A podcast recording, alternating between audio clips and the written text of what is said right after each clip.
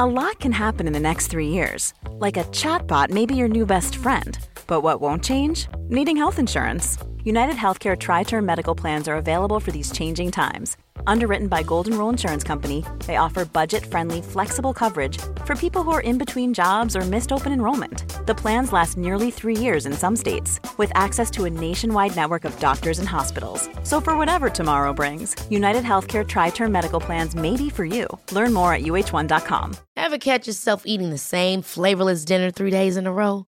Dreaming of something better? Well, HelloFresh is your guilt free dream come true, baby. It's me, Gigi Palmer. Let's wake up those taste buds with hot, juicy pecan crusted chicken or garlic butter shrimp scampi. Mm. Hello Fresh. Stop dreaming of all the delicious possibilities and dig in at HelloFresh.com. Let's get this dinner party started. Hey, it's Ryan Reynolds, and I'm here with Keith, co star of my upcoming film, If, only in theaters, May 17th. Do you want to tell people the big news?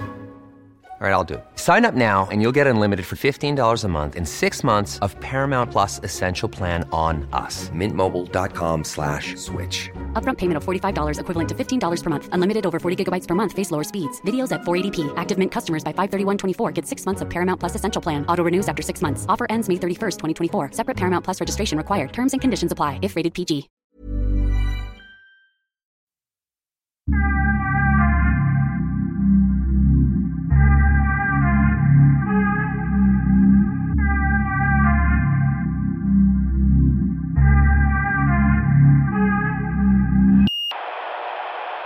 Vill ni höra en rolig grej med Kajsa? Mm. Hon, eh, hon har ingen mobiltelefon. What? Hon har ingen mobiltelefon. Va?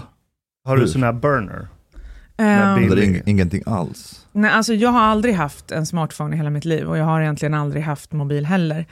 Nu har jag en sån här liten Nokia som, det finns inga pengar på den, men det finns, alltså dagis har numret om de behöver ringa mig om mitt barn dör eller någonting. Va, hur- va, vad kör du då? Istället? Alltså jag har ju dator hemma och jag har ju en hemtelefon och en padda där liksom. Men varför? Men Aha. nu till exempel kan ingen nå mig och jag kan inte ringa någon. Varför, har du, varför gör du så? Alltså jag vet inte själv. det bara blev så och nu är det för sent för mig att börja. Det där jag inte tror på, det är inte för sent. Det är inte så att du är 80 år. Men du har ju en padda ju. Jag är så- egentligen 80. Nej, det är du. Fast du har ju en padda. Det har ju... Jag har en padda hemma, men liksom, det är inte så att om jag är här så kan ju inte någon nå mig på den. Alltså grejen var att jag tror att tåget gick för mig kanske 2003. Och efter det kände jag att nu är det för sent, nu går det inte. Det har Fast- ingenting med antikapitalism att göra. Nej, det frågade ju du med, men eh, nej, det har faktiskt inte med det att göra. Men eh, Det bara alltså, blev så. om, du Och jag skaff, kan inte förklara det själv.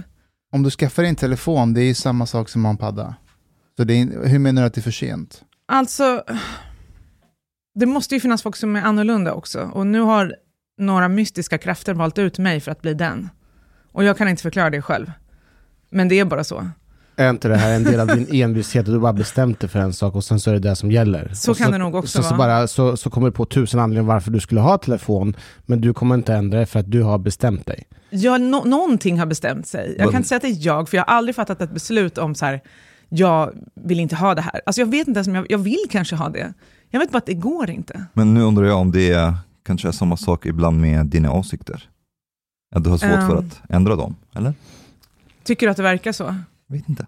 Jag undrar. Frågar du liksom just mig eller frågar du, eh, frågar du mig av en anledning eller frågar du för att du skulle fråga vem som helst det här? Mm, Nej, jag, jag frågar dig på grund av telefongrejen.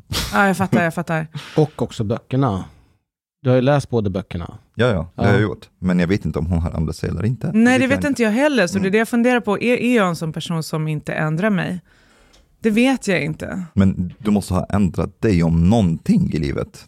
Inte nödvändigtvis om, om det som står i dina böcker, men Mm. någonting. Låt mig tänka, har jag ändrat mig om någonting? Menar du politiska åsikter som du går ut med och säger liksom Politiska värderingar. att... Ja, alltså...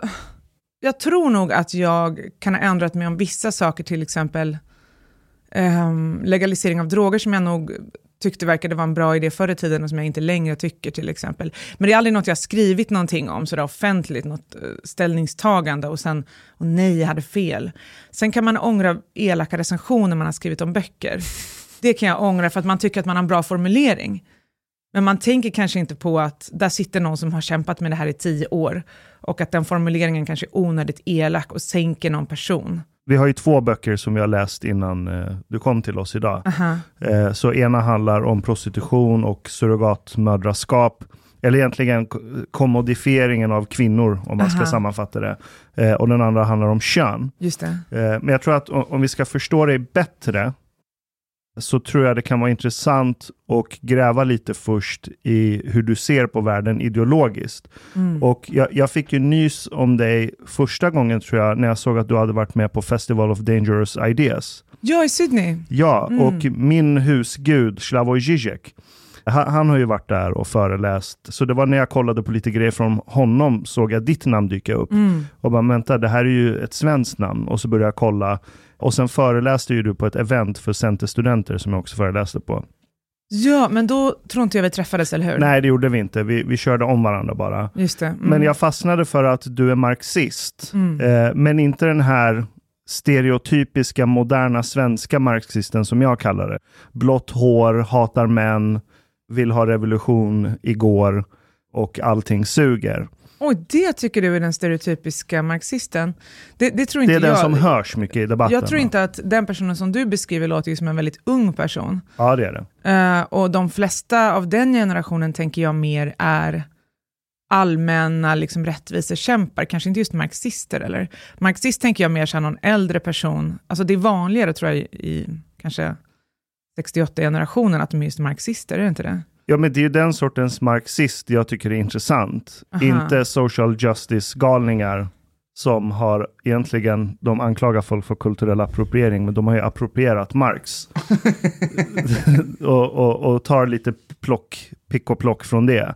Och, och säger att de är för, största kämpen mot kapitalism och så vidare. Men, men nyfiken, hur, hur, hur kom du in på just marxism? Och vad var det som fick dig att känna att nej men det här är någonting, det här är en bra lins att använda för att förstå världen. Jag tror att det var genom Marx. Genom Marx. ja, nej men alltså grejen är att när man läser marxism, eh, i motsats till då kanske lite mer postmoderna teorier som när jag började läsa böcker var väldigt inne då på 90-talet, eh, så är det så att när man läser postmoderna teorier så är det som att man nästan förstår, men inte riktigt. Och det känns mer som att man befinner sig i en dimma. Men när man läser Marx och andra mer materialistiska teorier så är det som att allt faller på plats och man plötsligt ser klart. Eh, och Marx handlar ju, det som han, hans analys av kapitalet, det handlar ju inte som många tror om kommunismen, utan det handlar om kapitalismen. Han analyserar hur det här systemet funkar. Alltså hur blir det vinst? Eh, när blir det inte vinst? Hur gör man för att få mer vinst? Eh, det är ju många kapitalister som läser det där för att de också ska få veta hur de ska använda systemet. Och de där teorierna, alltså skulle jag säga till 80-90% håller ju fortfarande. Mm. För det är ju själva systemets mekanismer. Ja, alltså konceptet kapitalism fanns ju inte ens egentligen förrän Marx kom och började analysera det. Alltså det fanns ju kapitalismen, men jag tror inte man Men hade som förstått... koncept. Ja, man hade nog inte förstått riktigt hur det gick till, men han visade ju på att det finns lagar. Eh, så här, det man investerar, hur får man tillbaka mer av det och så vidare. Eh, och de teorierna funkar ju fortfarande, om man, så de borde ju alla läsa egentligen. Eh, ja, jag håller med. Det, det jag tycker är mest intressant i Marx, och, och det var det jag tänkte på när jag läste dina böcker, just om till exempel prostitution, eller sexarbete som jag kallar det, och du gillar inte att man kallar det för sexarbete. Men jag kommer fortsätta kalla det för sexarbete, så får vi se vart vi landar. Men när jag läser din bok med marxistisk lins, så landar jag att Marx skulle inte hålla med dig om vad du har skrivit. För att det, det jag tar med mig från Marx, det är hans teori om alienation. Att subjektet blir bortkopplat från objektet. Och det enklaste sättet att ta det på, det är att när man är i en svamptripp, så känner man sig ett med universum. Du känner att det finns ingen gräns mellan dig, subjektet och objektet, alltså resten av världen utanför dig. Allt är bara en enda stor geist eller spirit. You're both subject and object. Du är subject och object samtidigt och det är det som är så vackert med just en välkurerad eh, laglig svamptripp i ett land där det inte är olagligt att göra det på. Vilket land är det då? Det, det, kan det, det spelar ingen roll. Och, och, och Marx bygger på Hegel och jag, jag är nästan övertygad om att Hegel tog en svamptripp och insåg så här, holy shit, jag är ett med allt. Så här måste allting ha varit från början. Sen kom medvetandet och blev varse om att vi inte är ett med allting. Och jag tror det är så, nu spekulerar jag bara, det är så han börjar bygga sin teori som Marx bygger på. Alltså tycker era lyssnare att det där låter intelligent? Det bryr jag mig inte om. Men tycker de att det där är så häftigt? Åh, Marx, Hegel och svamptrippar, wow! De fattar inte riktigt vad det är du säger, men de tycker att det låter häftigt. Eller... Jag tror att de flesta av våra lyssnare inte håller på med svamp. Men, men vad, vad är det?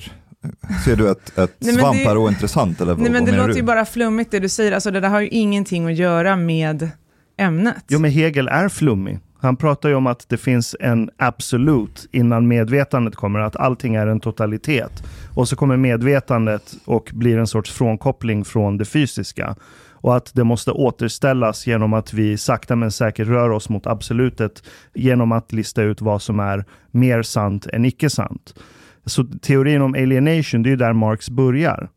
Det är hans grundliga kritik mot kapitalismen, att arbetaren är frånkopplad från frukterna av vad den producerar. Alltså, grejen är ju så här, när jag skriver i min bok om reifikation, Mm. Eh, det vill säga sakifiering, så handlar ju det om någonting som är väldigt konkret. Och det är ju till skillnad från, eh, till exempel som många då kanske i den moderna kapitalismen kan känna sig igen i, att till exempel när de skriver en jobbansökan, så skriver de att de har en trevlig personlighet till exempel. Ja. Personligheten blir en typ av sak som de säljer.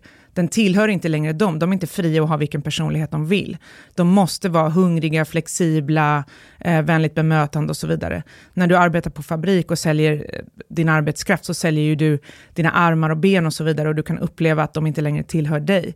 Alltså när vi pratar om prostitution, då pratar vi om någonting som inte är frukten av en arbetskraft. Vi pratar om din egen kropp, dina egna kroppsdelar eh, din vagina, dina bröst och så vidare som någon faktiskt tar på många, många, många gånger om dagen. Och där du till slut kan känna på ett rent konkret fysiskt sätt att du inte längre kan känna din egen kropp.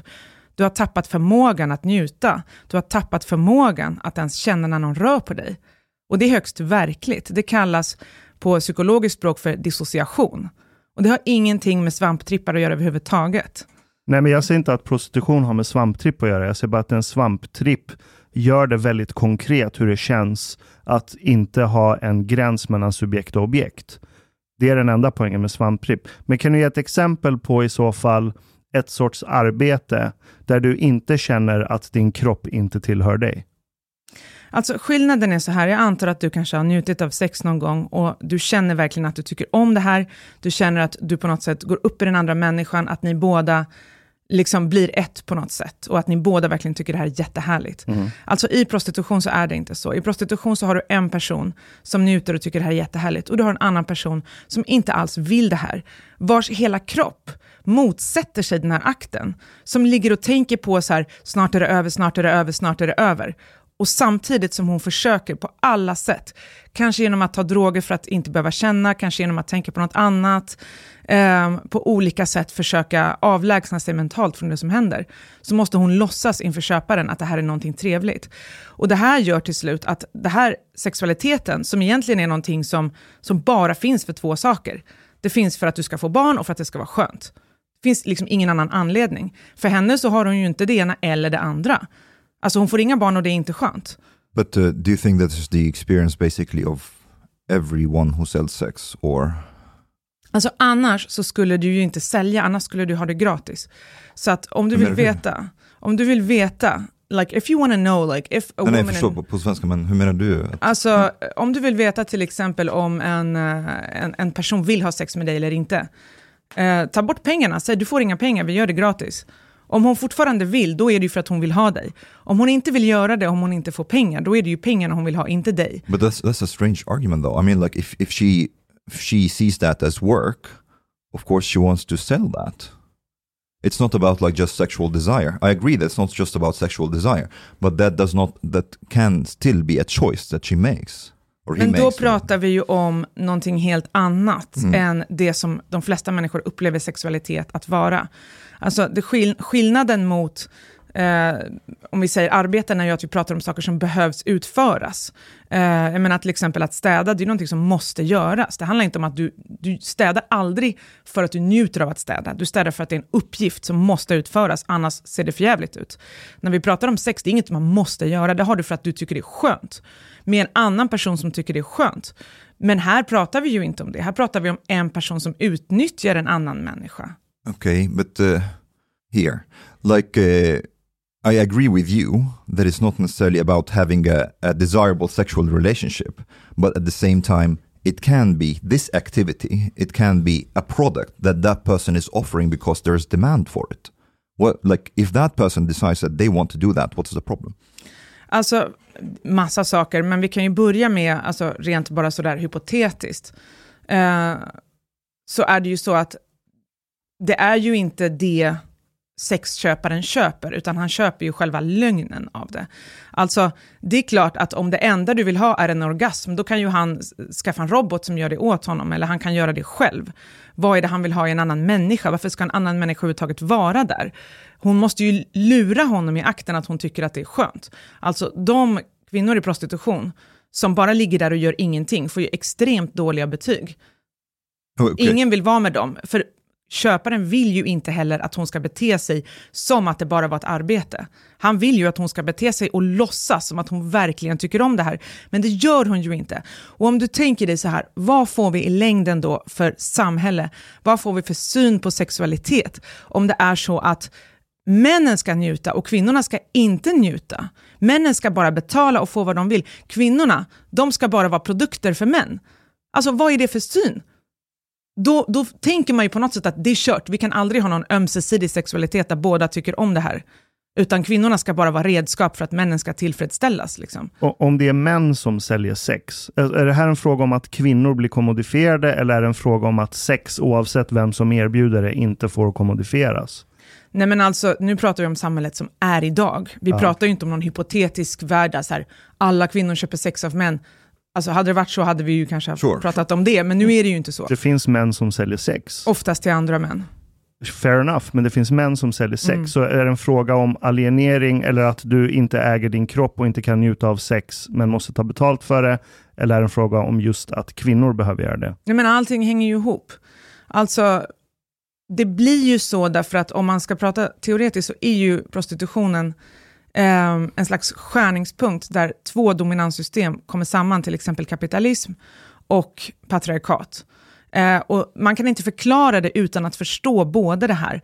Både ett system där kapitalismen vill ju göra profit på allt. Alltså, de skulle kunna göra profit på vänskap om de kunde, liksom. vilket de ju försöker med Facebook och allt det här. Men liksom, säg att du kunde köpa vänner. Så att det var så här, ah, jag vill ha en vän för en timme som ska sitta och lyssna på mig liksom, när jag pratar. Så här. Ah, men hade det då varit en riktig vän? Det är frågan. Kapitalismen vill göra allt till varor. Um, sen but, but, så okay. har vi patriarkatet där liksom kvinnor existerar för mäns, um, vad ska man säga, liksom, uh, känslor eller begär eller önskningar. Och när man tar ihop de här två, då får man ju det systemet som är prostitution. But okay, the, the, actually that with a friend, hiring a friend for me was a good example. Uh-huh. All right. So, for example, let's say me and Mustafa were not friends. Uh-huh. I am a lonely person. I decide that, well, Mustafa, he's offering his company for, I don't know, 1,000 crowns, for example. Uh, I'm like, okay, yeah, I'm lonely. Uh, Mustafa, here's 1,000 crowns.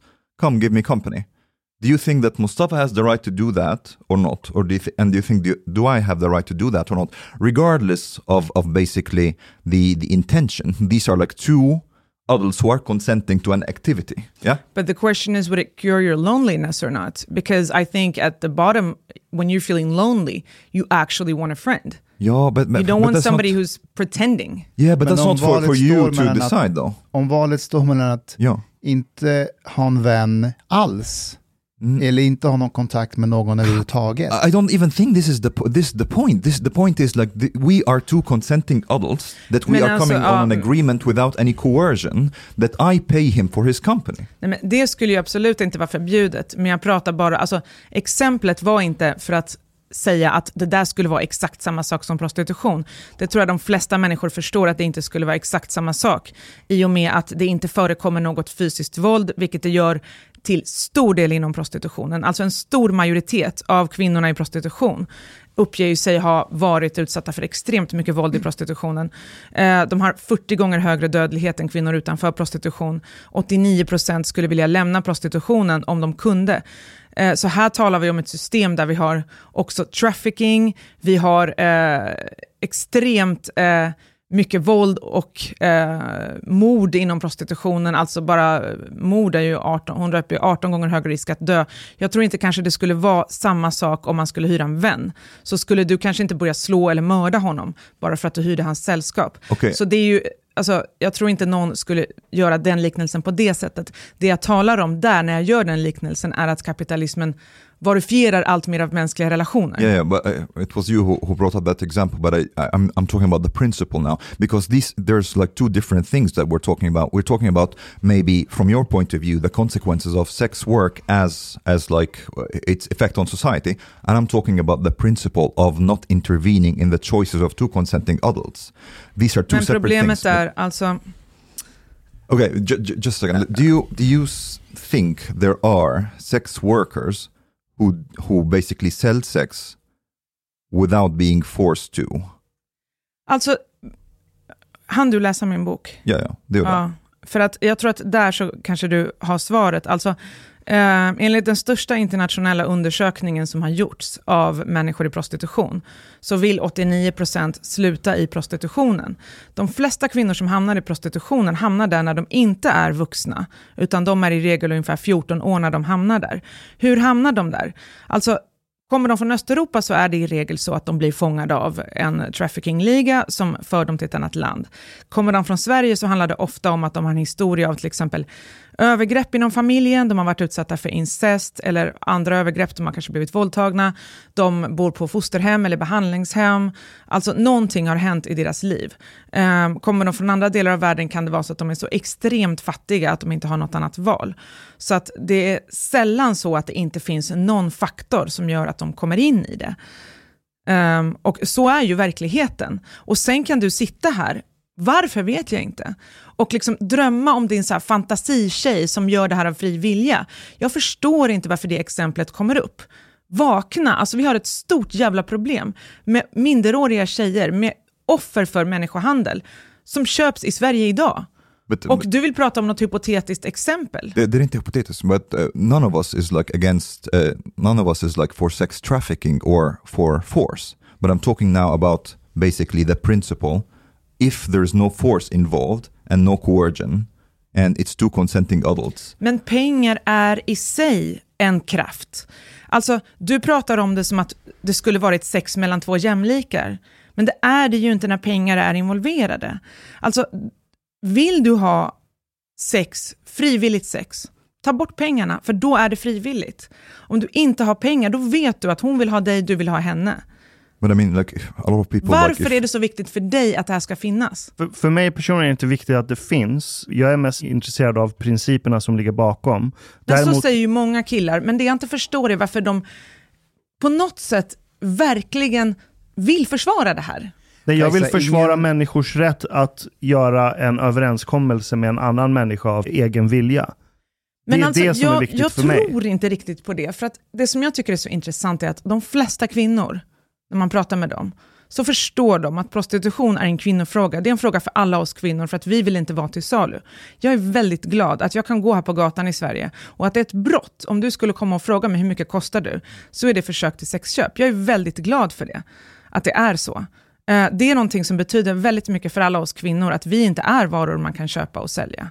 But, but, För att du kan inte, alltså prostitution kan inte vara en tjänst när du är inne i en annan människas kropp, därför att du påverkar den människan så mycket. I think though this is a, a false argument to say that something has to do with like men who want to, to legalize buying sex. There are women as well who are uh, for allowing Men sex inte work. lika många som män.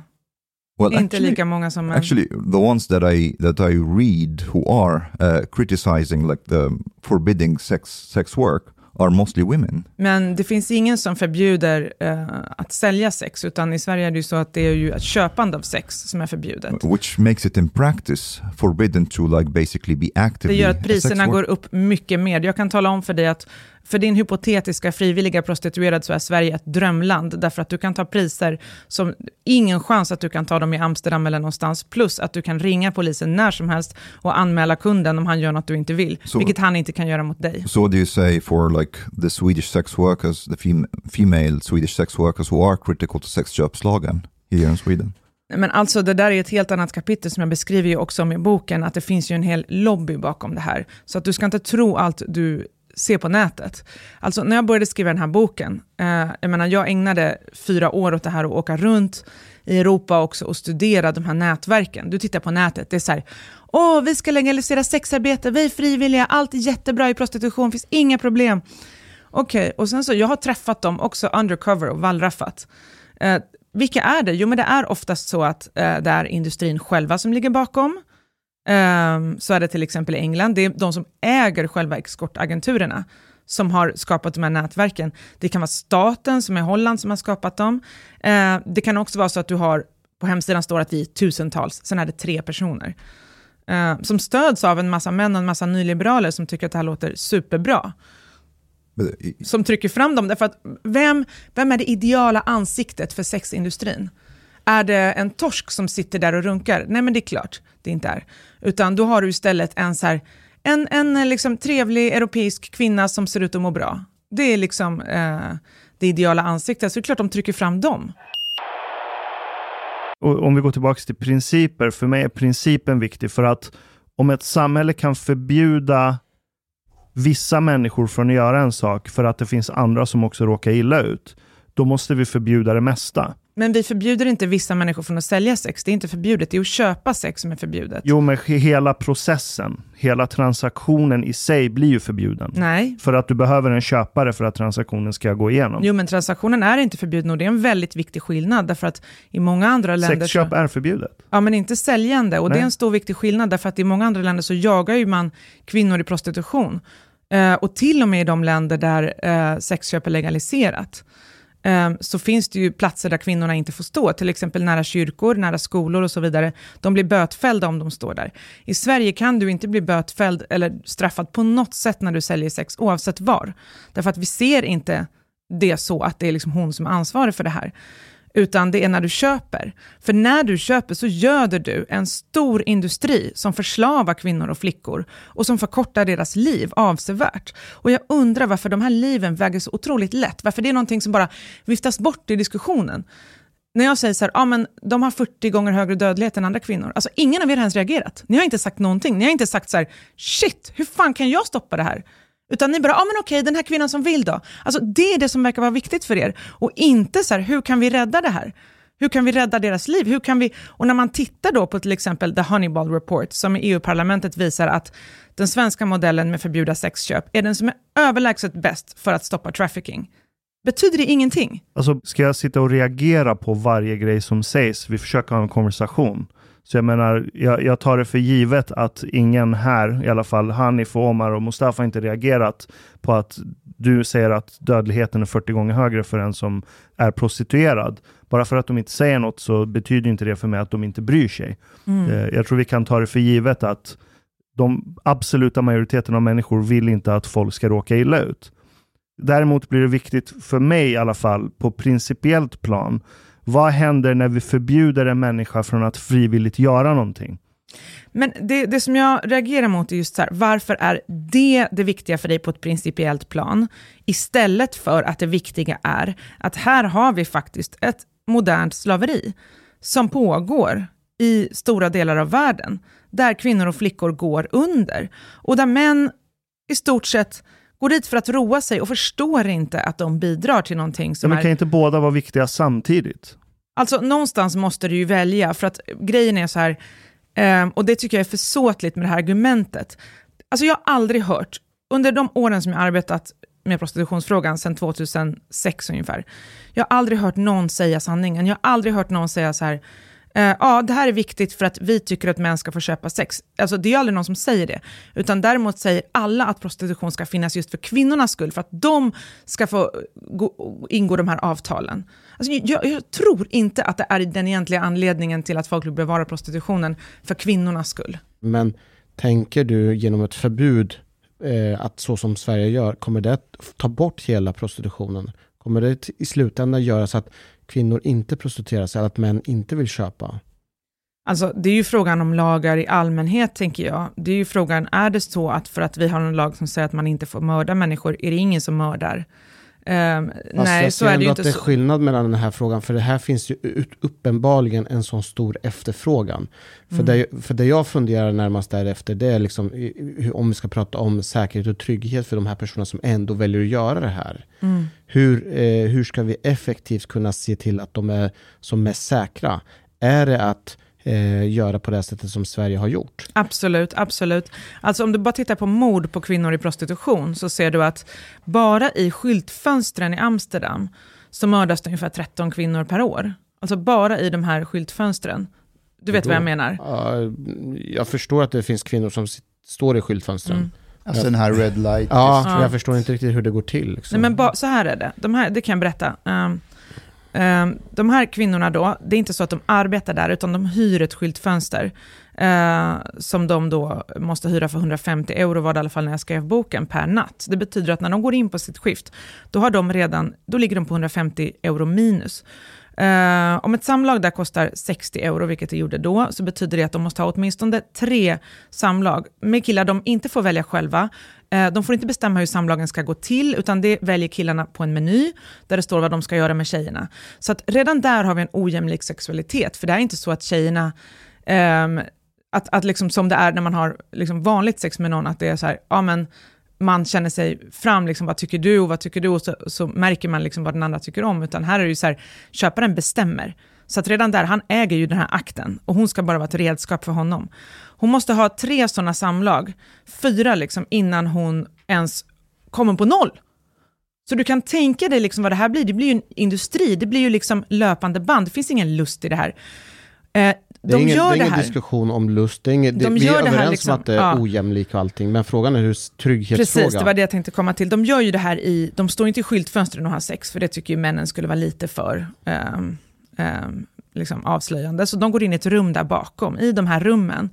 Uh, oavsett om du har larmknappar knappar och så vidare, så jag menar, det är ju inte så att du alltid hinner trycka på den, eller att det alltid hinner komma någon. Uh, så mördas det 13 kvinnor om året. Alltså, I Sverige har vi inte haft mord på en kvinna inom prostitutionen sedan på 80-talet.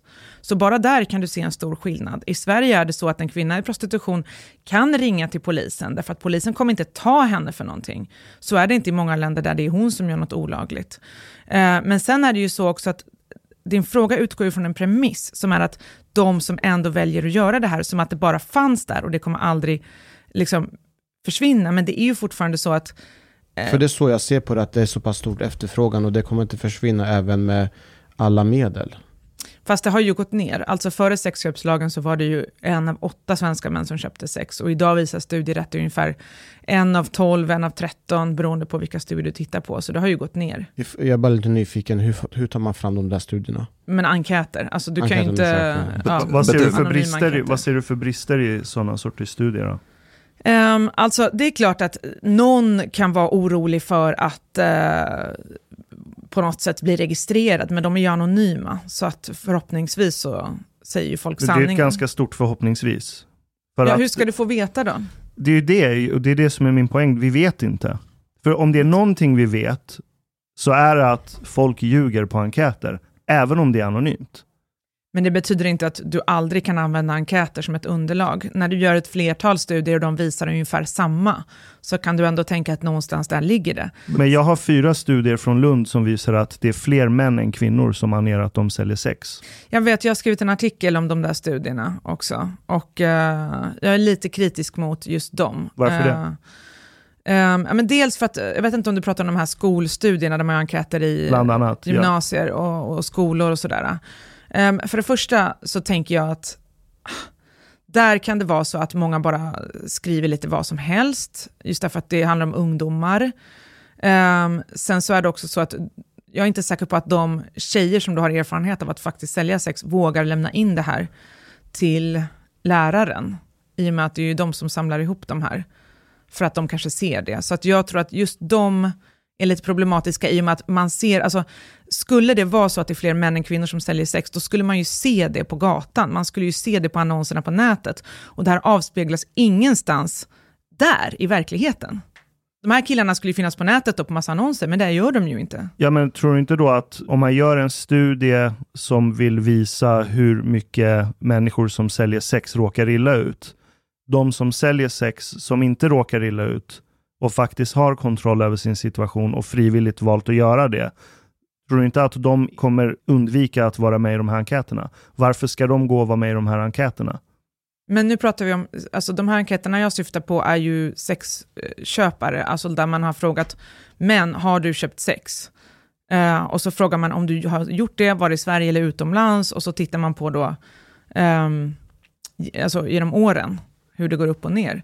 Och där tror jag man kan säga att, jag tror, jag kan inte säga att eh, om det är liksom en av 13 eller en av 12 och så vidare, det där går upp och ner, men jag kan säga att jag tror att sexköpslagen har haft en effekt. Alltså jag är ute och pratar mycket i skolor till exempel och då kan man ju se att många eh, unga killar har den här attityden att, som skiljer sig radikalt från hur det är i Tyskland. Att eh, här säger de så här, men gud köpa sex, det är ju säkert för någon äcklig gubbe som inte kan få någon att gilla honom. Medan i Tyskland skulle unga killar säga att det är någonting macho, det är någonting de gör med sina kompisar, det är liksom en initiationsrit ungefär, du kan förlora oskulden på bordell. Och jag märker inte den attityden när jag föreläser för gymnasieelever här. But Kajsa, there's also something like I can get the impression a little bit, or, or maybe not, but um, it it's not like all organizations, researchers and sex workers agree that sex job slogan, for example, is the best way to go. There are sex workers who say that this, it makes it more dangerous for them.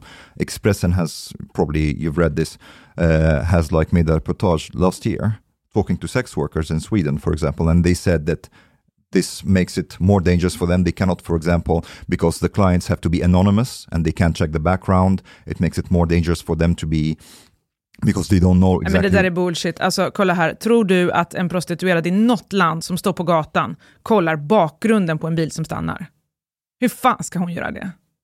So, but these sex workers are lying, you mean? Or? Nej, men alltså det där är en sån här vandringssägen som har gått ända sedan sexköpslagen eh, kom till. Därför att när sexköpslagen kom, mind you, den var så otroligt banbrytande. För vi var det första landet i världen som hade en sån.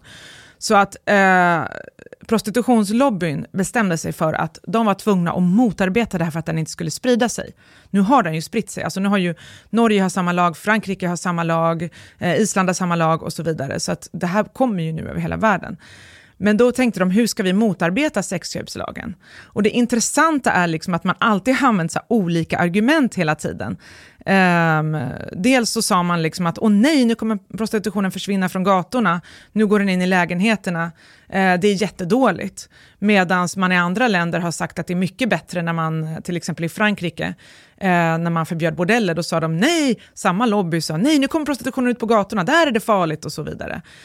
Um, man kan ju för det första fråga sig, varför ska ens någonting finnas som är uppenbarligen så pass farligt? Det är första grejen. Den andra grejen är så här, tittar du på prostitutionens verklighet, eh, så ser du att ingenstans, inte när du står i Red Light District i Amsterdam, inte när du står på gatan i Rumänien, någonstans har kvinnan någon möjlighet att bedöma en bakgrund på den som stannar. Så är det inte. Utan det här är någonting som man har hittat på, man har sagt så här, ja ah, men det har blivit farligare nu, um, för att det formulerar motståndet mot sexköpslagen som om att det kom från omsorg om kvinnorna och inte om männens rätt att köpa. Tittar du på de statliga utredningar som har gjorts om sexköpslagen så finns det inte bevisat eller dokumenterat att det skulle ha blivit farligare. Om den svenska lagstiftningen då, som benämns som neoabolitionistiskt om jag förstår det rätt, där du förbjuder sexköp men att sälja sex är tillåtet. Sen eh, början av 90-talet fram till idag så finns det bara en incident där en eh, sexarbetare har blivit dödad eller mördad och det var av en ex-partner eh, när den skulle besöka sin son eller någonting yeah. sånt. Så vi kan väl säga att ingen sexarbetare har mördats i Sverige sen slutet på 80-tal, början av 90-tal. Inte som det vi känner till i alla fall. Och det Sen är det möjligt det... att det har hänt och vi känner inte till.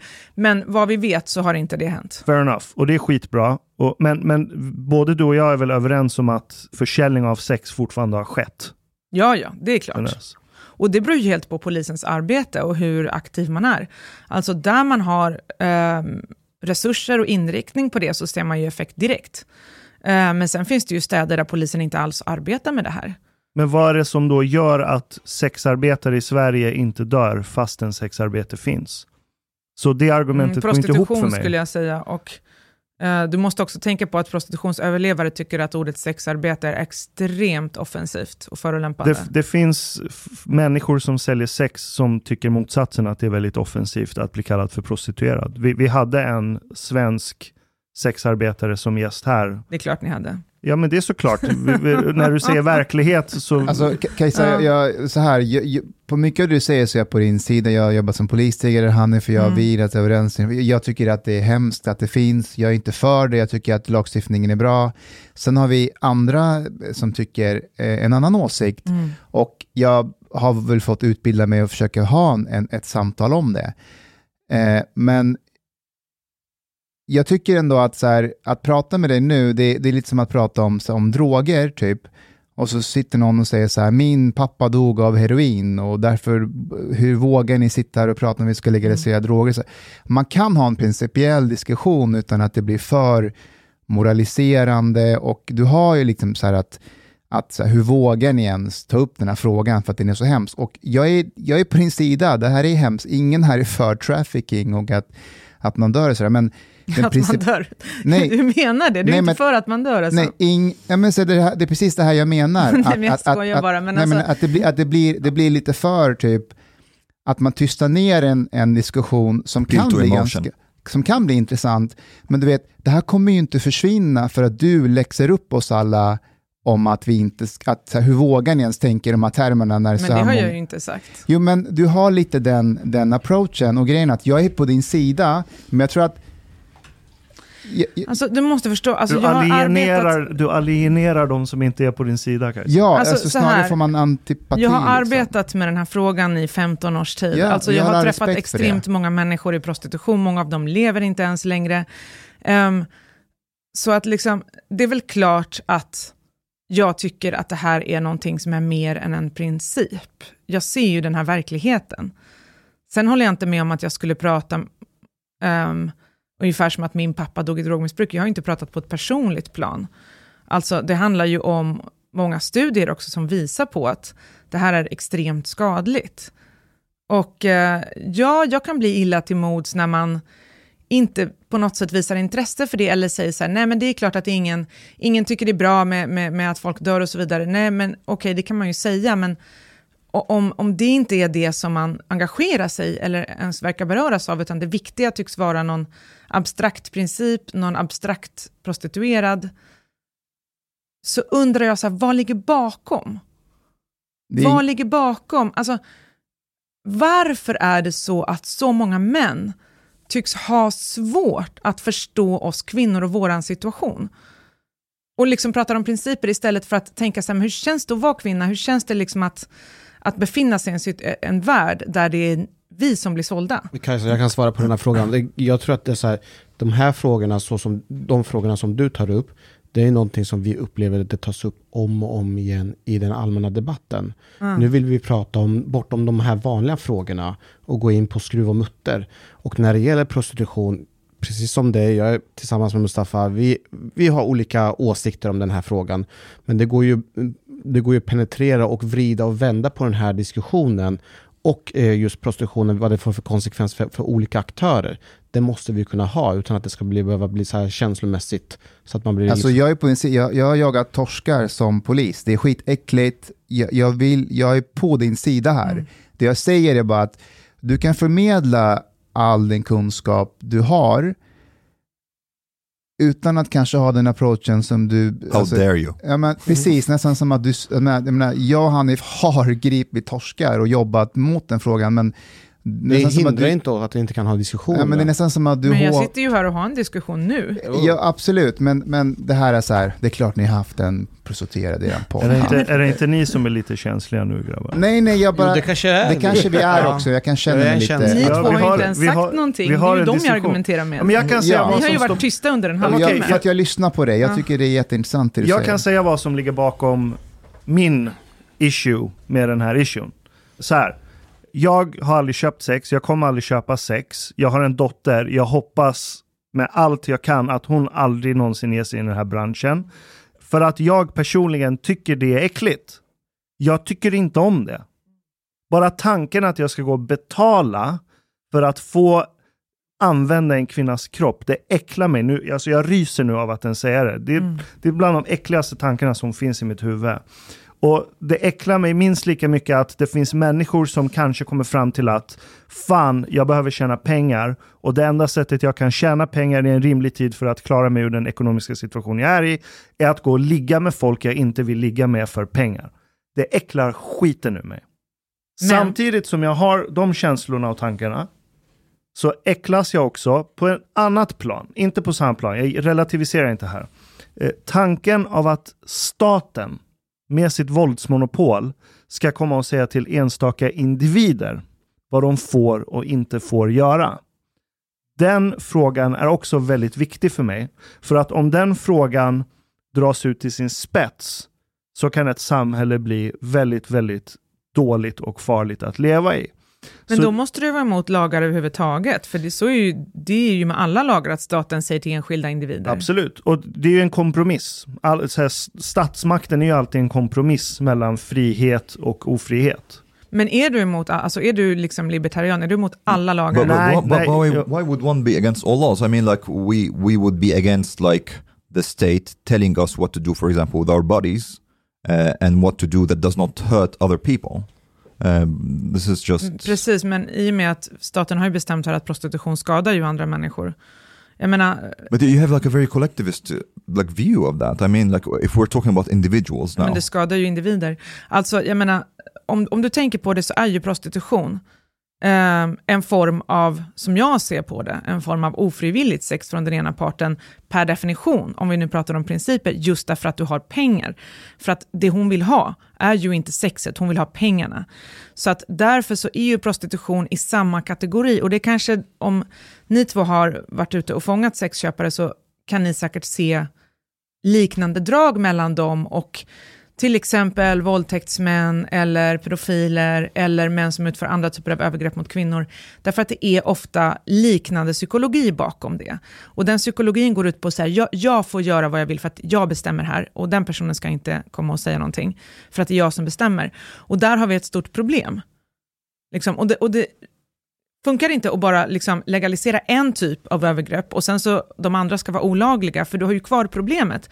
Och problemet är ju så att den här personen som köper sex um, ser ju inte på sexualitet som någonting ömsesidigt, utan som någonting som bara han ska få ut något av. Okej, två saker. Och om alla som säljer sex, om exakt alla 100% hur vi än hade kunnat mäta det, hade sagt att det är så. Att eh, det här är som en våldtäkt mot mig, jag hatar det här, jag vill inte göra det här egentligen. Om exakt alla i hela världen, eller i Sverige om vi bara håller oss i Sverige, hade haft den hållningen, då hade det varit så här, okej det här är helt fucking obvious. Då klart det ska Men grejen är att det kommer allting. liksom inte hända därför att, alltså, jag har ju känt många människor i prostitution, både under tiden de har varit i prostitution och efter. Och det är faktiskt lite samma sak som när du befinner dig till exempel i ett misshandelsförhållande eller i någonting som är dåligt för dig och sen kommer du ut ur det. Mm. Därför att ingen människa, jag tror att människan är så, man orkar inte göra någonting dag ut och dag in samtidigt som du går runt och säger att det här är fruktansvärt. Så du måste ju övertala dig själv någonting. Alltså, och sen när du kommer ut, då kan du börja så hantera och bearbeta det du har varit med om. Men när du är där i så kommer du alltid använda argument för att säga Ja, men det här är lugnt, jag klarar det, jag är jag jättestark. Det Och liksom, jag jag kan berätta om en, en tjej som jag kände till exempel. Jag träffade henne i Barcelona ungefär 2005. hon var den här tjejen som ni pratar om, så här väldigt, eh, ja, hon hade rätt mycket pengar, jättefin bil, eh, såg väldigt bra ut, eh, tog massor av betalt för samlag, hon hade två olika sidor, en med rakt hår och en med lockigt hår, och den ena, kommer inte ihåg vilken, tog mer betalt än den andra av någon anledning. Och eh, hon, var så här, hon, hon var liksom stenhård i sitt psyke. Sen hände det att hon eh, blev tillsammans faktiskt med en köpare och eh, lämnade prostitutionen. Eh, han var från Frankrike, de flyttade till Frankrike och jag var där på Rivieran och hälsade på dem. Han hade värsta båten, vi åkte ut med lyxjakten. Och bara det helvete hon hade, hon var så otroligt orolig att det här skulle komma ut, att hon hade varit i prostitution framför hans vänner. Så hon sa till mig, du får absolut inte använda det där namnet som jag använde då, du måste använda det här namnet, prata aldrig om hur vi lärde känna varandra. Så fort han blev arg på henne så glömde han aldrig bort att påminna henne om att hon hade varit i prostitution. Hon kunde komma tillbaka dit om eh, det inte passade att vara, göra som han ville och så vidare. Alltså det var skitjobbigt för henne. Och liksom, jag tror att när man pratar om principer så tänker man inte alltid på människan. Man tänker inte alltid på att så här, vi lever i ett samhälle där, visst, du kan vara för prostitution, men sen skulle du kunna komma till dina föräldrar och ta med dig din nya tjej och säga, vad jobbar du med? Ja, jag är sexarbetare. Hur många skulle kunna göra det? Och hur är det för de här tjejerna sen när de lever i livet och de har ett gap på liksom tio år de inte kan skriva på sitt CV? Och det säger enormt många grejer. Och det försvinner inte för att man legaliserar prostitutionen, tvärtom. Alltså så är det ju i alla länder, så är det ju i Tyskland fortfarande också. Så att man betalar ett otroligt högt pris, både med kropp och själ, för att vara i det här. Jag, jag köper den aspekten och jag hade varit villig att köpa det hela vägen. Men när det sen dyker upp flera personer som säger att men, den bilden stämmer inte alls överens med min verklighet. Min verklighet är att jag kommer från en helt vanlig svenssonfamilj. Det är utbildade föräldrar, personen själv har en utbildning, den är inte alls beroende ekonomiskt av det här yrket. Men av någon anledning som jag inte förstår för att det, jag, kan inte, jag kan inte empatisera med det valet för att jag själv är inte i närheten att kunna ta det valet. När den personen då kommer och säger att Nej, men jag gör det här för att, vad vet jag, jag vill vara rik, jag vill ha ännu mer pengar än vad jag har.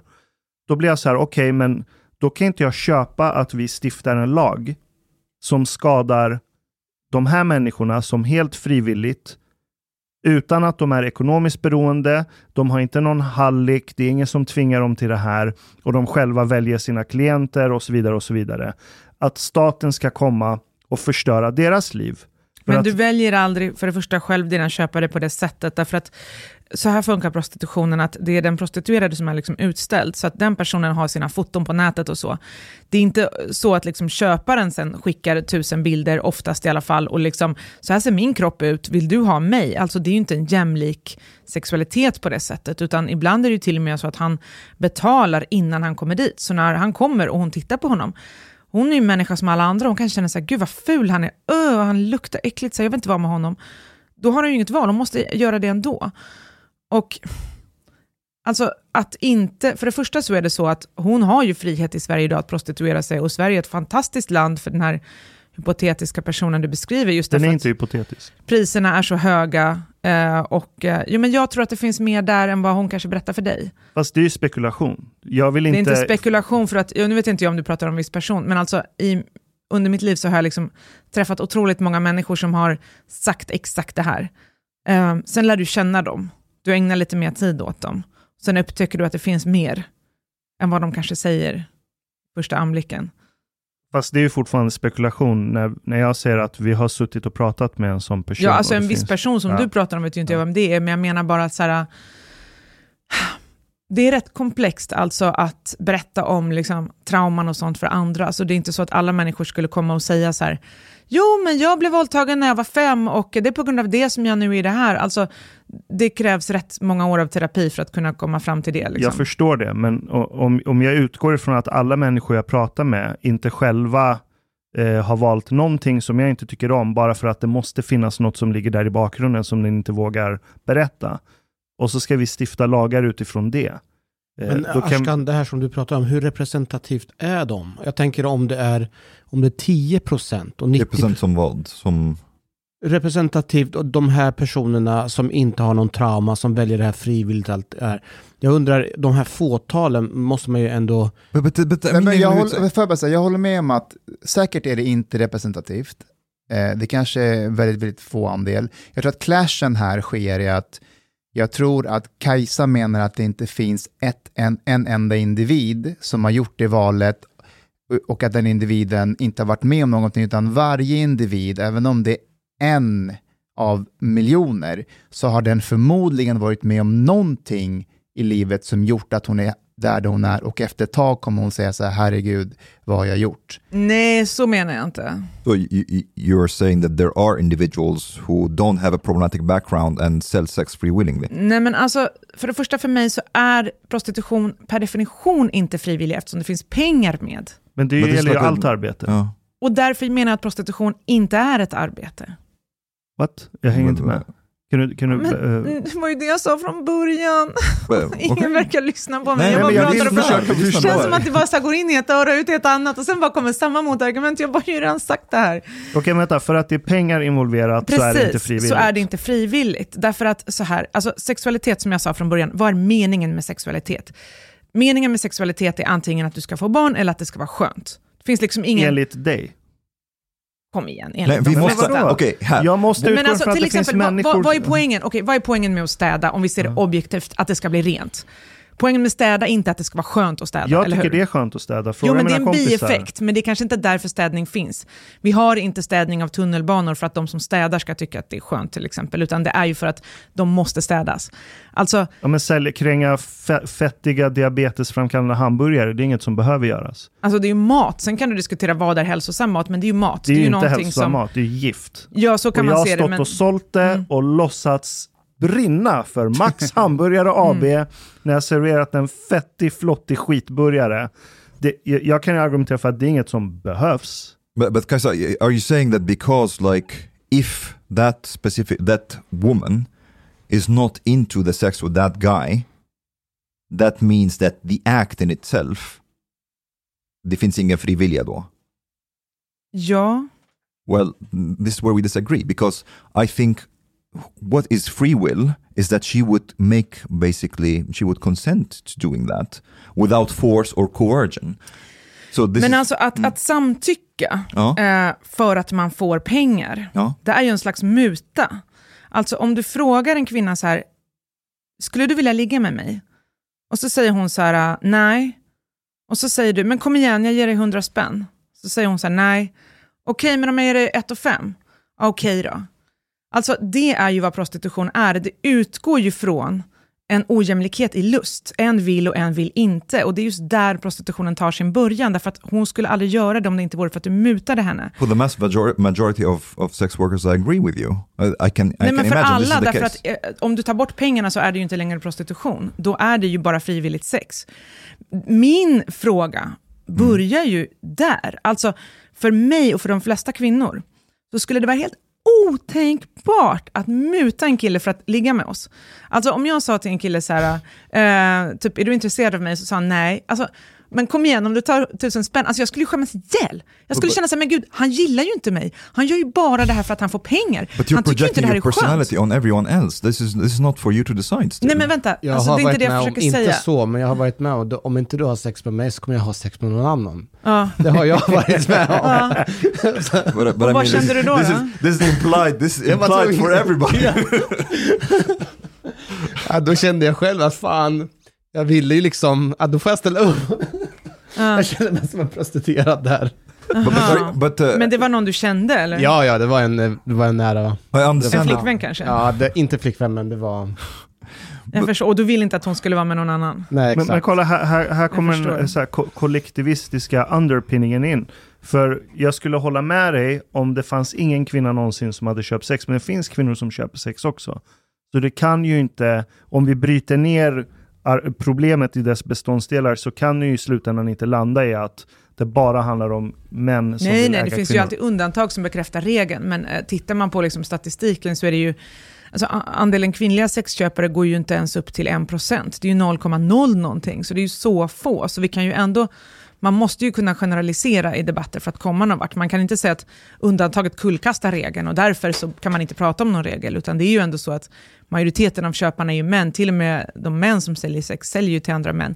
Så att någonstans där har vi ju problemet, alltså att köparen för honom är det inte ett problem att ligga med någon som egentligen tycker att han är skitäcklig. Bara han får ut det han vill. Och där är ju problemet, så här, hur kan inte hennes olust vara avtändande på honom?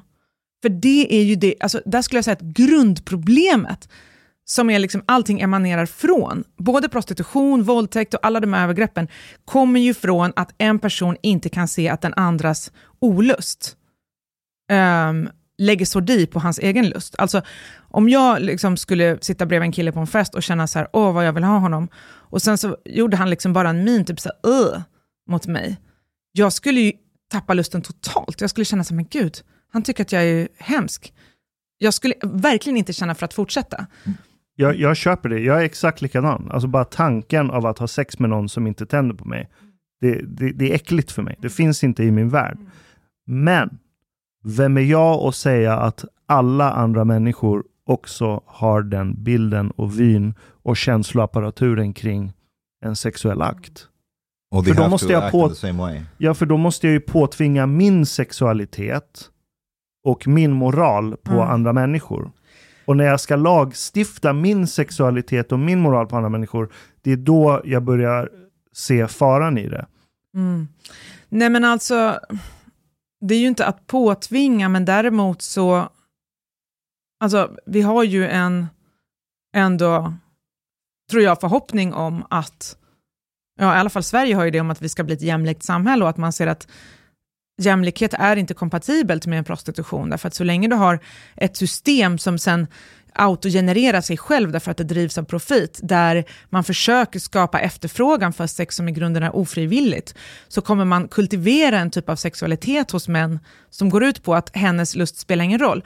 Medan jag tycker att vi borde kämpa alltså, till ett samhälle där män borde kanske vara lite mer uppmärksamma på kvinnors lust, istället för att lära sig att man kan ignorera den bara man lägger fram några hundralappar. Men jag tror inte att det där är något som genomsyrar svensk manlighet, att de flesta män går runt och tänker att hennes lust är helt betydelselös. Nej, och vad beror det på då? För att de flesta män har en fungerande empatiapparatur. Men tänk då i samhällen som till exempel i Tyskland där en av tre män köper sex. Alltså I Spanien finns det till och med undersökningar som visar att 46% av männen köper sex. Vad är då skillnaden? 46 procent av männen i Spanien köper Vissa sex. undersökningar visar att de, alltså, men det är undersökningar som säger att de har gjort det någon gång, så det betyder inte att de går varje dag, men att de någon gång i sina liv har gjort det. Kan det vara social stigma och tillgängligheten? Ja, alltså det är ju där jag tror att man, man får titta på, har lagstiftningen någon effekt på folk? För där tänker jag på att det måste ju bero på att vi har olika syn på prostitution och att vi har olika lagstiftningar. Det är väl självklart att om det finns gator där liksom det är bordell efter bordell, så kommer ju fler personer gå in där, än om ditt sätt att hitta prostitution är att titta på någon, något klistermärke där det står massage och ett telefonnummer. Så är ju det liksom ett längre steg. Okay, Kajsa, but if it's like because, let's say, of poverty, okay, a woman decides that she would rather sell sex than to than to endure poverty. Does she have the right to do that? Because quite often I, I see that mm, in the discussion also nobody cares, for example, of like let's say migrant workers, migrant sex workers who are not forced but decide that to sell sex is better for them than to endure poverty in their in the village where they come from, for example. What do you men think de about that? flesta som du kallar då migrerande sexarbetare ehm, är ju, har ju kommit hit genom en liga därför att de har inte råd att själva betala biljetten hit. Utan det är ju så att vem är det som betalar biljetten? Vem är det som skaffar pass till henne? Vem är det som skaffar en lägenhet som hon ska bo i?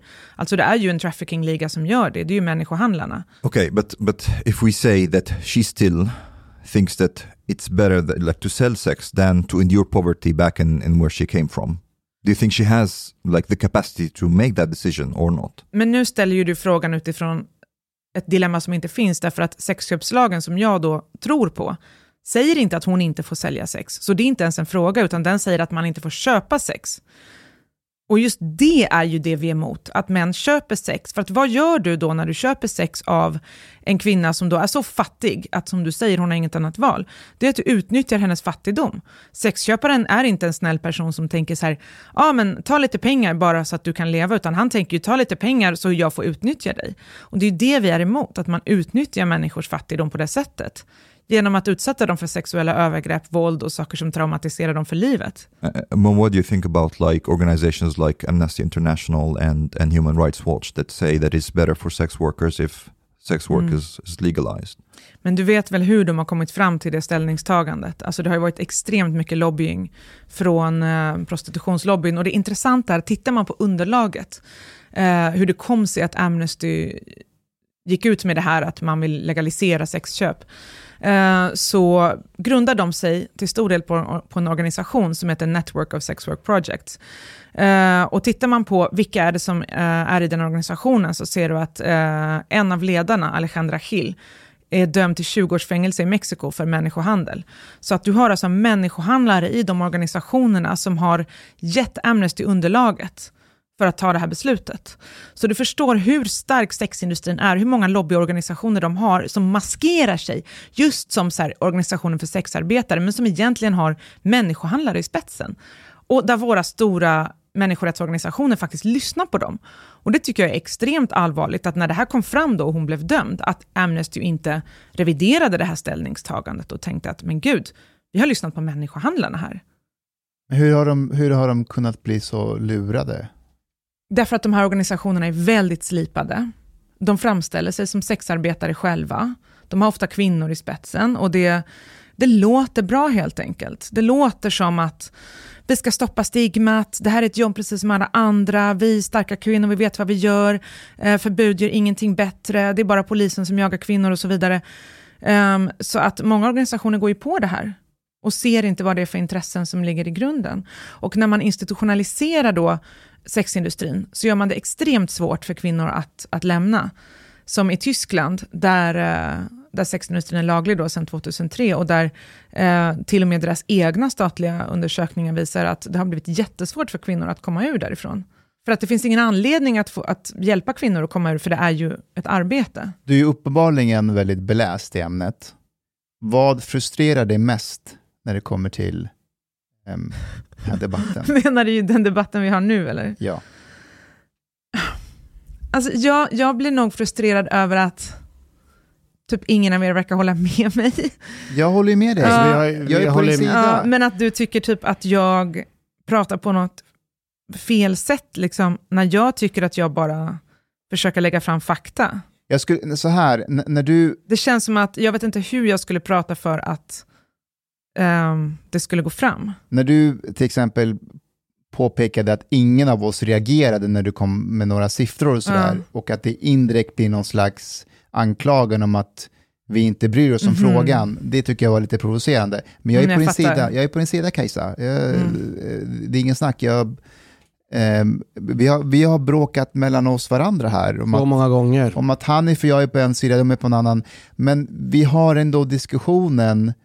Ehm, Mm. Och vad, som sagt, vad, vad, vad frustrerar dig mest i, i Sverige och allmänt i, i den här debatten? Nej, men alltså, när jag började skriva om det här ämnet, eh, det var ju för att teori och praktik kom samman på något sätt eh, i mitt liv, där eh, jag hade bott i Barcelona, jag hade delat lägenhet bland annat med en rysk tjej som prostituerade sig på motorvägen. Sen dog hon, eh, hon var väl typ 34 eller något, alltså hon var inte alls gammal, hon drack så extremt mycket, så hon eh, åkte in på sjukhus och sen dog, och sen la de henne i någon typ av anonym grav, därför att hon hade inte passet eh, någonstans. Och eh, hon liksom bara försvann och det var ingen som på något sätt brydde sig om det här. Och på motorvägen stannar ju män för de andra tjejerna som står där och det är ingen som sörjer henne eller bryr sig. Och samtidigt så pågick debatten i Sverige om att sexköpslagen var jättedålig och moralistisk och eh, prostituerade var starka kvinnor som visste vad de ville. Och jag, jag bara kände så här, men ingen bryr sig ju på riktigt. Alltså, det är bara massa babbel om tankar. Eh, och alla säger sig vara så engagerade i kvinnornas väl och ve, men, men sen är ingen det egentligen. Men skulle inte du säga ändå att vi i Sverige bryr oss mer än andra länder i och med att lagstiftningen är på plats och som du säger att när du stöter på, när du är ute och föreläser, att svenska killar jämfört med killarna i Tyskland har en Mm, mm, helt mm. annan approach till frågan. Kan det inte vara så att man bryr sig, att det har blivit en, en slags norm om att det Mm. är dåligt det här, men att man inte, Det finns ju ingen anledning att debattera någonting som råder konsensus alla är egentligen överens i frågan egentligen. Inte ni verkar Nej, ni men- som...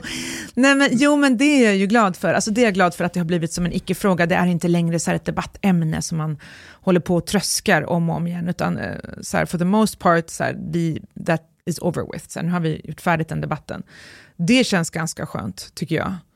Eh, för att jag var ju, alltså jag kom igår kväll från Spanien där jag var och talade, jag har jättemycket att tala om det i Spanien, för där håller kvinnorörelsen på att kämpa för en liknande lag där, för där har man extremt mycket prostitution och trafficking, det är ett jättestort problem. Och där försöker man övertyga politikerna om att de ska ha en lag. Och jag menar, skillnaden är ju att i Sverige, när vi antog sexköpslagen, alltså vi har ju aldrig haft en sexindustri. Vi har haft någon hallick som har tre tjejer som står på gatan och de är alla drogmissbrukare, men vi har ju inte haft liksom en etablerad industri med man säljer aktier i den och alltså riktiga lobbyister som kan föra sig i maktens korridorer och sånt som man har i Spanien. Där är det ju till och med så att många politiker har ju intressen i sexindustrin, så det är extremt svårt att bli av med. Så att jag är glad att vi antog den här lagen innan vi skaffade oss en sexindustri, för då hade det blivit jättesvårt. Did you did you listen to that uh, for about a year ago? There was this researcher Nina, I can't remember her name, her last name, Nina something, a Finnish researcher that was on a Fredags interview, and she's very critical to. She researched just just on that question. and She's very critical to sexköpslagen i Sverige. Nina Vuolajärvi. Uh, and Jag uh, minns inte om jag debatterade med henne någon gång. Mm. And uh, according to her, there are several studies, international studies, that show that it's between 6 to 16 percent of sex workers who are basically trafficked or like coerced in a way, like they do it by force. Um, do you see like some? Do you agree first of all that this could be the case? Mm, nu måste jag titta lite på hennes research Mm. och var de här studierna kommer ifrån. För att det där skiljer ju sig rätt mycket från land till land.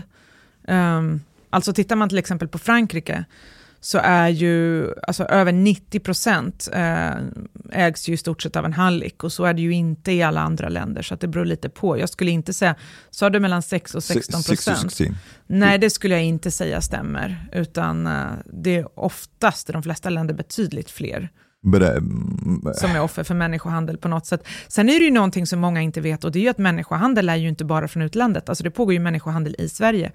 Eh, jag till exempel hade kontakt med en tjej som flydde till Stockholm från Göteborg, därför att hon hade en människohandlare i Göteborg. Han sålde henne på strippklubb när hon var 12 år. Alltså det fanns sådana här klubbar, underjordiska klubbar för pedofiler i stort sett. Eh, där de får tag i tjejer som är på rymmen eller som har det jobbigt på olika sätt. De hamnar på de här klubbarna. Och eh, den här hallicken vill inte släppa henne, så hon rymde till Stockholm och sa hjälp, jag behöver komma in på något skyddat boende. Och det är också en form av människohandel, när de säljs och köps mellan olika ställen. Du nämnde också men, eh, en gemensam bekant, Paulina Just det. Mm. Bengtsson. Ja. Ja. Vill du berätta om hennes case också? ja, alltså hennes bok borde ni verkligen läsa. Den heter ju Utnyttjad, våldtagen och såld. Och den handlar om hur hon var en av de första att nätdejta i Sverige på Spraydate.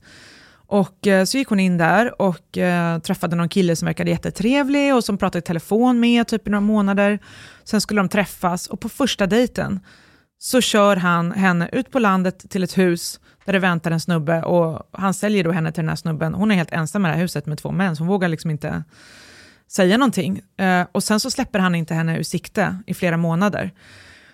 Och när hon sen börjar få gå ut själv och så, då är hon på så pass hjärntvättad att hon vet inte ut och in längre. Och han blev ju dömd sen för koppleri och blev släppt, är nu dömd igen, har gjort samma sak. Men han, han sålde henne till andra. Han sålde henne till massa män, hon hamnade i porrfilmer. Um, och ehm, alltså det här är ju många, många år sedan och hon skriver ju fortfarande om det här. Så du kan tänka dig att hon var bara med om det här i kanske ett halvår. Och ändå så påverkar det här hennes liv än idag. Och det är också en fråga som ingen ställer sig när man gör den här eh, på något sätt hermetiska skillnaden mellan trafficking och prostitution, när man tror att det finns trafficking å ena sidan och prostitution å den andra sidan. Alltså, trafficking är ju en extremt dyr verksamhet för människohandlare, därför att de måste åka runt i Östeuropa, hitta tjejer, de måste betala resa, de måste skaffa pass, de måste skaffa lägenheter, de måste betala alla omkostnader. Alltså, i vilken annan industri behöver man kidnappa arbetskraften? Vi har ju människor som till och med dör på väg till Europa för att de vill arbeta i våra eh, liksom, sämsta arbeten. Och de behöver man inte kidnappa, de kommer hit frivilligt. Så hur kommer det sig att just i den här industrin så behöver man kidnappa arbetskraften. Det säger ju någonting om att det inte kommer tillräckligt många frivilligt. Hade det varit så pass många som då var i det frivilligt, då hade man inte behövt kidnappa någon. Då hade ju folk betalat sina resor själva, varför ska man då betala åt dem?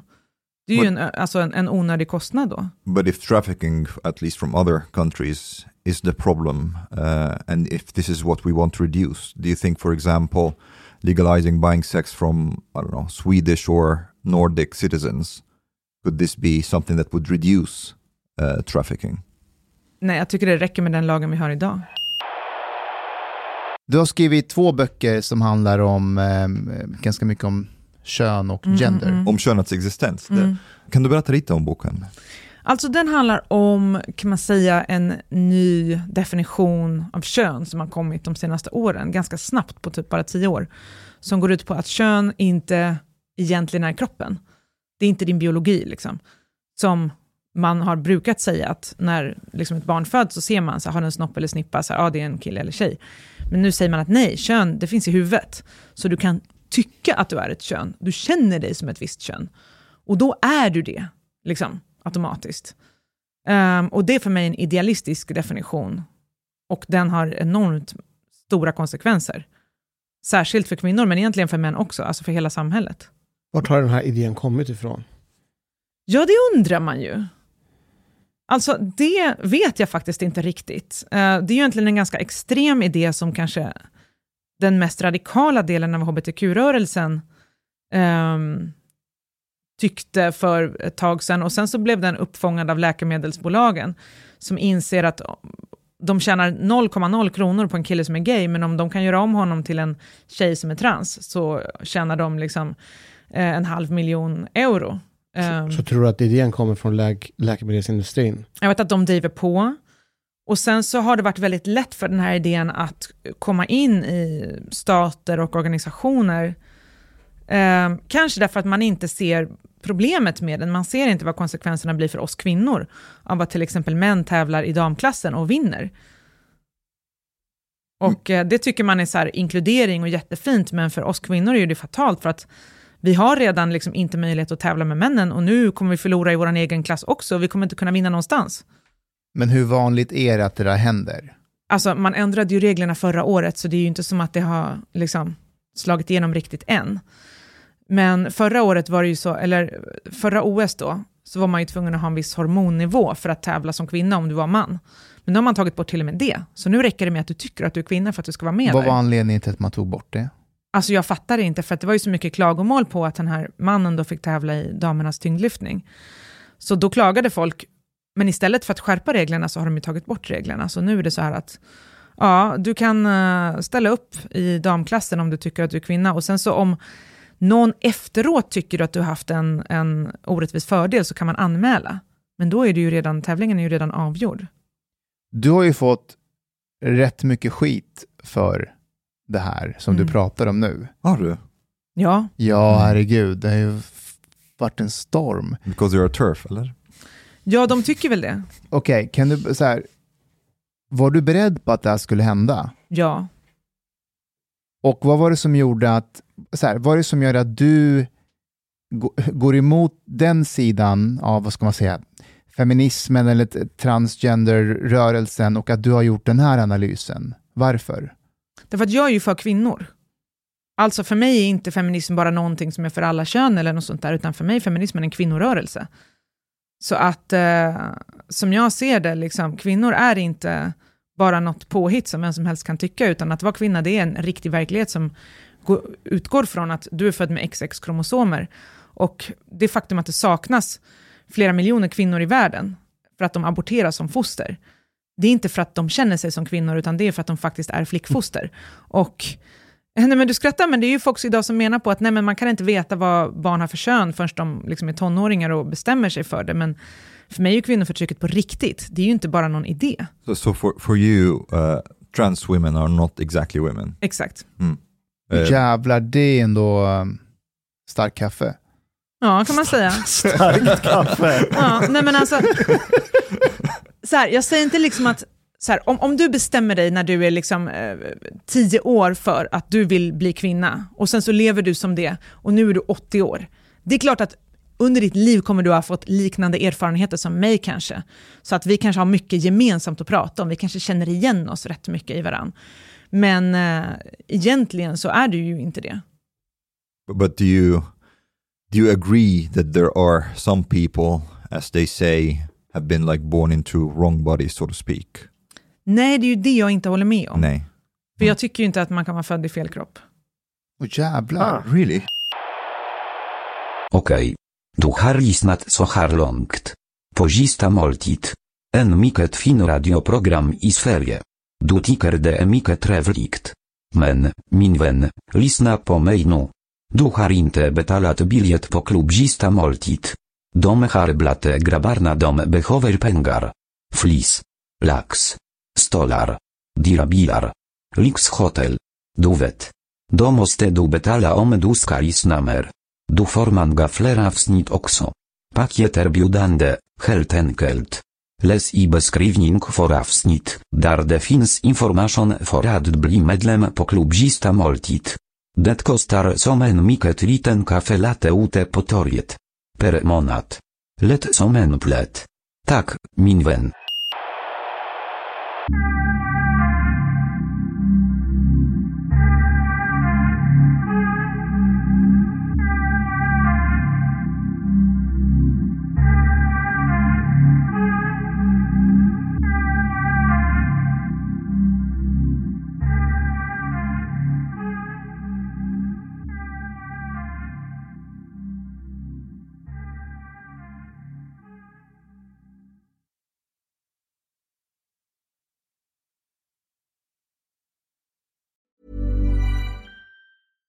Catch yourself eating the same flavorless dinner three days in a row?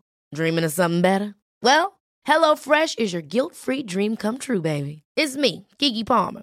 Let's wake up those taste buds with hot, juicy pecan-crusted chicken or garlic butter shrimp scampi. Mm. Hello Fresh. Stop dreaming of all the delicious possibilities and dig in at HelloFresh.com. Let's get this dinner party started.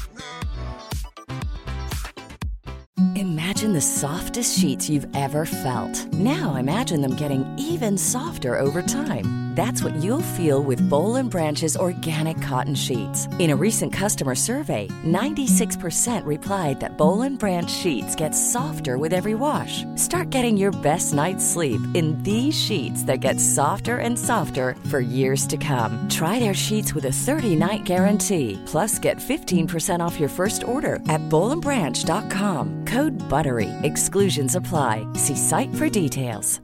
Planning for your next trip? Elevate your travel style with Quince. Quince has all the jet setting essentials you'll want for your next getaway, like European linen, premium luggage options, buttery soft Italian leather bags, and so much more. And is all priced at 50 to 80% less than similar brands.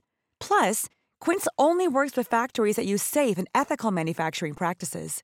Pack your bags with high-quality essentials you'll be wearing for vacations to come with Quince. Go to quince.com slash pack for free shipping and 365-day returns.